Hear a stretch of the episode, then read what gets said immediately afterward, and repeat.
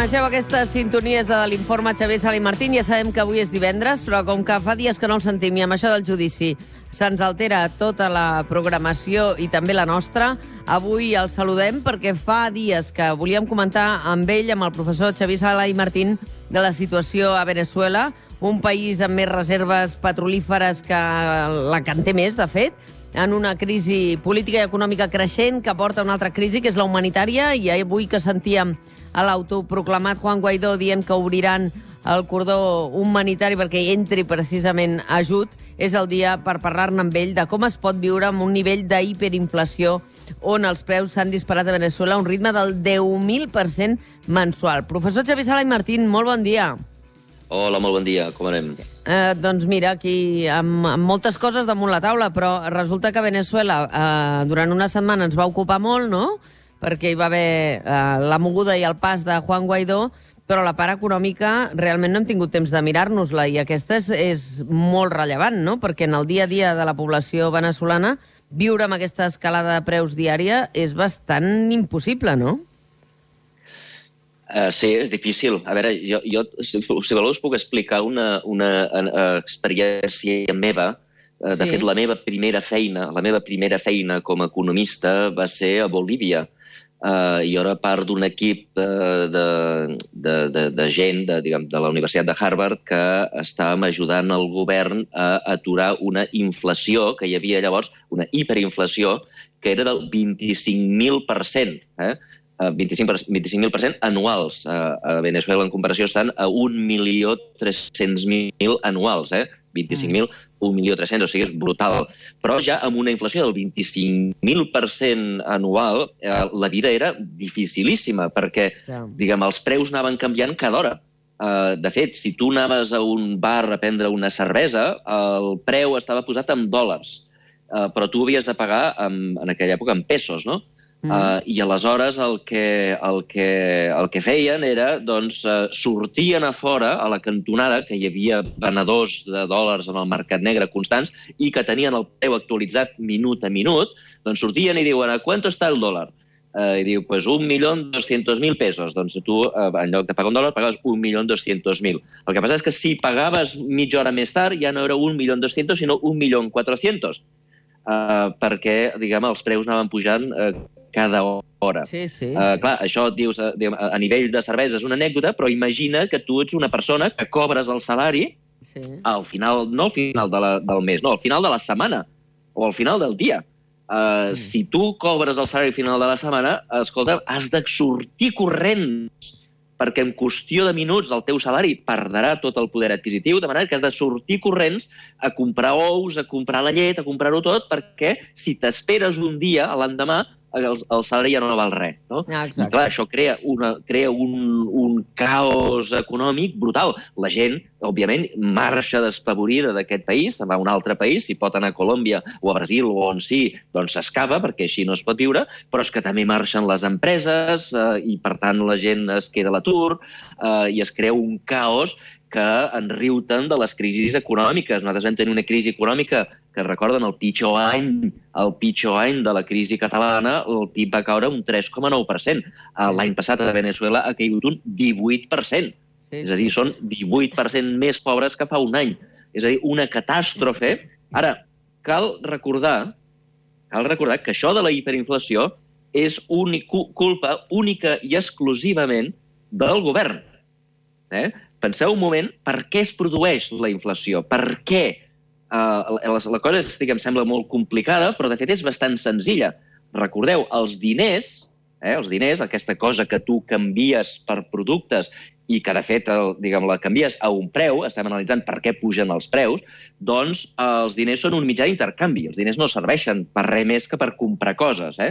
Mm. Uh, aleshores, la pregunta és quants diners has de donar tu per una cosa? Imagina't que en una economia molt simple eh, hi han dos, eh, dos pesos o dos euros, o que sigui, do, posem dos pesos, eh? dos pesos i dues galetes. Eh? Mm. I els pesos serveixen per comprar galetes. Si hi ha dos pesos i hi ha dues galetes, cada, pes, cada galeta val un peso. Has de canviar mm. pesos per galetes, oi que sí? Si, en aquest, si el govern introdueix molts més diners i en lloc d'haver-hi dos pesos hi ha 2.000 pesos, cada galeta val 1.000. Si en el en cas lloc... de Venezuela són bolívars. Però O vaja... sigui, bolívars, sí, bolívars o euros, igual, això passa en qualsevol moneda. Jo parlava de pesos perquè era el que vaig No, dir el perquè bolí- la gent que ens està sentint se situï amb el que està passant allà, Vale. justament. Doncs parlem de bolívars. Doncs si en lloc de dos bolívars i dos galetes hi han 2.000 bolívars i 2.000 galetes, cada galeta val 1.000. Si hi ha 2 milions de, 2 milions de, de bolívars i dues galetes, cada, cada galeta val un milió. Clar. És a dir, que el que causa que pugin els preus és que el govern imprimeixi diners. I aquí el qui, govern, qui imprimeix diners és el Banc Central de Venezuela, controlat pel govern. I llavors la pregunta és, i per què imprimeixen diners aquesta gent? Que no ho veuen, que no ho entenen. Uh, doncs la raó per la que imprimeixen diners és que el govern no té diners, el govern no té recursos, com que l'economia està totalment destruïda, les empreses han marxat, la gent és pobra i no paga l'IRPF, ni IVA, ni paga res, i no tenen calés, llavors el govern diu, escolta'm, a vosaltres, al Banc Central, oi que teniu una màquina màgica que li, tu li poses uns paperets blancs, eh? a vegades hem vist a la tele com es fan els diners, no? Apareixen uns paperets blancs, uns fulls blancs, imprimeixen, pum, pum, pum, i de sobte són diners. I llavors, clar, el Maduro diu, hòstia, però que fàcil, no? Nosaltres tenim uns papers, els posem i de sobte podem comprar i aleshores el, el que fan és això, per poder gastar, imprimeixen diners, sense adonar-se que això és el que acaba destruint l'economia i fa Ah. que al final tots acabin pobres, inclòs el propi govern, perquè aquests diners que fan, aquests papers que imprimeixen, acaben tenint valor gairebé nul, eh? no valen res. Per molt que Nicolás Maduro va aprovar un augment del salari mínim del 300% al gener, perquè eh, ja l'ha augmentat en moltes ocasions, eh? sis vegades durant el 2018, 23 cops eh, des del 2013, això no, no compensa aquesta hiperinflació, Clar. aquest moviment. Ah, però, però és que no, no és que no comença. El gener, el gener, el gener quants dies fan el gener? Res. Eh, Està, aquí, dia estem avui? Ja, ja, ja, estem, ja ha passat la tercera setmana de febrer, no? Eh, Ja, ja, i, escolta, si els preus pugen cada hora, cada hora, escolta, el salari que van posar el mes de gener no és que sigui obsolet, és que ha quedat obsolet 4.000 vegades. Perquè I- el, el, si ho va aprovar això el dia 31 de gener, el dia 31 de gener, a les 5 de la tarda, ja havien pujat els preus i, per tant, ja no servia per res aquell salari mínim. Que, Però- clar, eh, Mm, Xavier, com que eh, deia jo a l'entrada que és el país amb més reserves de petroli del món, és petroli no refinat, amb molta impuresa, i s'ha de refinar i és car. Però quin, quin és el problema que tenen, eh, Xavier, amb el petroli? No n'estan traient el rendiment eh, que, que necessiten, no? No, mira, això també és culpa del govern. Eh? També és culpa del govern. Per, només et donaré una dada, una dada que són dues dades, de fet. A L'any 1998, que és quan va arribar Hugo Chávez al poder, Venezuela, les empreses venezolanes, produïen 3.500 barrils de petroli diari. Eh? 3.500, quedeu-vos amb aquest número. 3.500. Aleshores, eh, van foragitar les empreses, van allò... Van, això és, és, un, és un règim anti, La van anticapitalista, no? nacionalitzar, per entendre'ns. És una petrolera estatal la que tenen ara. Sí, però No? no? aquesta petrolera estatal ha de comprar ha de comprar maquinària, ha de fer reparacions, ha de contractar enginyers, etc etc. no? Mm. Però, clar, si totes les empreses que han de fer això tu les has foragitat perquè són servidors del capitalisme maligne i no sé quantes històries, què passa? Que tu, eh, les màquines de treure petroli se't van trencant i ningú les repara. I si ningú les repara, la teva producció de petroli i, per tant, els teus ingressos van baixant. Avui, eh, i repeteixo, l'any 98, un any abans que entrés el Chávez, 3.500 mi- mm, mm, barrils, eh, tre, tre, tre, tre, perdona, 3 milions i mig de barrils diaris, 3.500 milers de barrils diaris, eh, 3,5. Avui és 1,5 milions de barrils diaris. Però- però, 1,5. clar, Ha perdut 2 milions de barrils diaris. 2 milions, el preu que està avui al barril representarien 130 milions de dòlars diaris, uh, uh, perdó, 130 milions de dòlars diaris o 47.000 milions que han tirat a la basura, 47.000 milions de dòlars que han llançat a la basura perquè no poden treure petroli, no tenen la maquinària Però- per extraure el seu propi petroli. Però deixa'm fer-te tant- la, la contra, Xavier. Si els Estats Units és el principal comprador de petroli de Venezuela i les, el paquet de sancions que li han imposat als Estats Units, perquè ells, ells els hi compren un 41% del petroli que, que té Venezuela. Si, si el que fan és justament deixar de comprar i, a més a més, eh, imposen sancions que fa que els diners que paguen les refineres nord-americanes pel petroli veneçolà no vagi a parar a mans de l'empresa estatal venezolana, eh, tenen la paella pel mànec als Estats Units sobre la seva economia, no? si tu produïssis els 3.500 milions, eh, 3, eh, 3 milions i mig de barrils diaris, 3 milions i mig de barrils diaris, eh, els hi podries vendre a la Xina. El problema és que no els vens. Mm. Si tu no produeixes, aquí vols vendre? Els americans no et compren, vale? d'on et compren? Pues tu ja, ja els hi vens a Rússia, els hi vens a, a, a, a, a altres països. El problema és que com que tu no vas no pots vendre a ningú. És veritat, és veritat que el, eh, diguem, les sancions que ha posat ara diguem, fa un parell de setmanes, el Trump fan molt de mal a Venezuela, perquè no només han dit no comprem mm, barrils, no, no han dit que no compren, han dit que el que compren als Estats Units no li donen al govern, eh, no, no ho paguen al govern de Maduro, sinó que li paguen al govern de Guaidó. Mm. Eh? Mm. Per tant, el Maduro deixa d'ingressar-ho. Uh, però, I això, això, òbviament, fa mal. Però, clar, si el problema és que tu no produeixes barrils, si tu mm. aquests 2.000 barrils, eh, perdona, 2 milions de barrils que has perdut, que has deixat de produir, agafes i els hi vens a la Xina, la Xina està, està en unes ganes brutals de comprar petroli per tot el món. Mm. Uh, però clar, si tu no els produeixes no els hi pots vendre. Els Estats Units tenen la paella del palmànec. Ara, dit això, dit això, és veritat que les sancions dels Estats Units fan mal, però les sancions dels Estats Units van venir un cop ja tu ja no estaves produint. Aquesta caiguda de la producció ha sigut paulatina en els darrers anys, en les darreres dècades, i ara estan a, a, a, un milió i mig de barrils, és a dir, han perdut dels 3 milions i mig, han perdut dos, Uh, però això no és culpa dels Estats Units, això és culpa de que tu no ets capaç de produir el que la teva economia o la teva terra, diguem, el teu subsol, ets, sí que té, perquè, com has dit tu molt bé, són el país que tenen més reserves de petroli de tot el món, més que Aràbia Saudita. Clar, i Aràbia uh... Saudita ja admet que el mercat se n'està ressentint, el preu del cru uh, creix, no?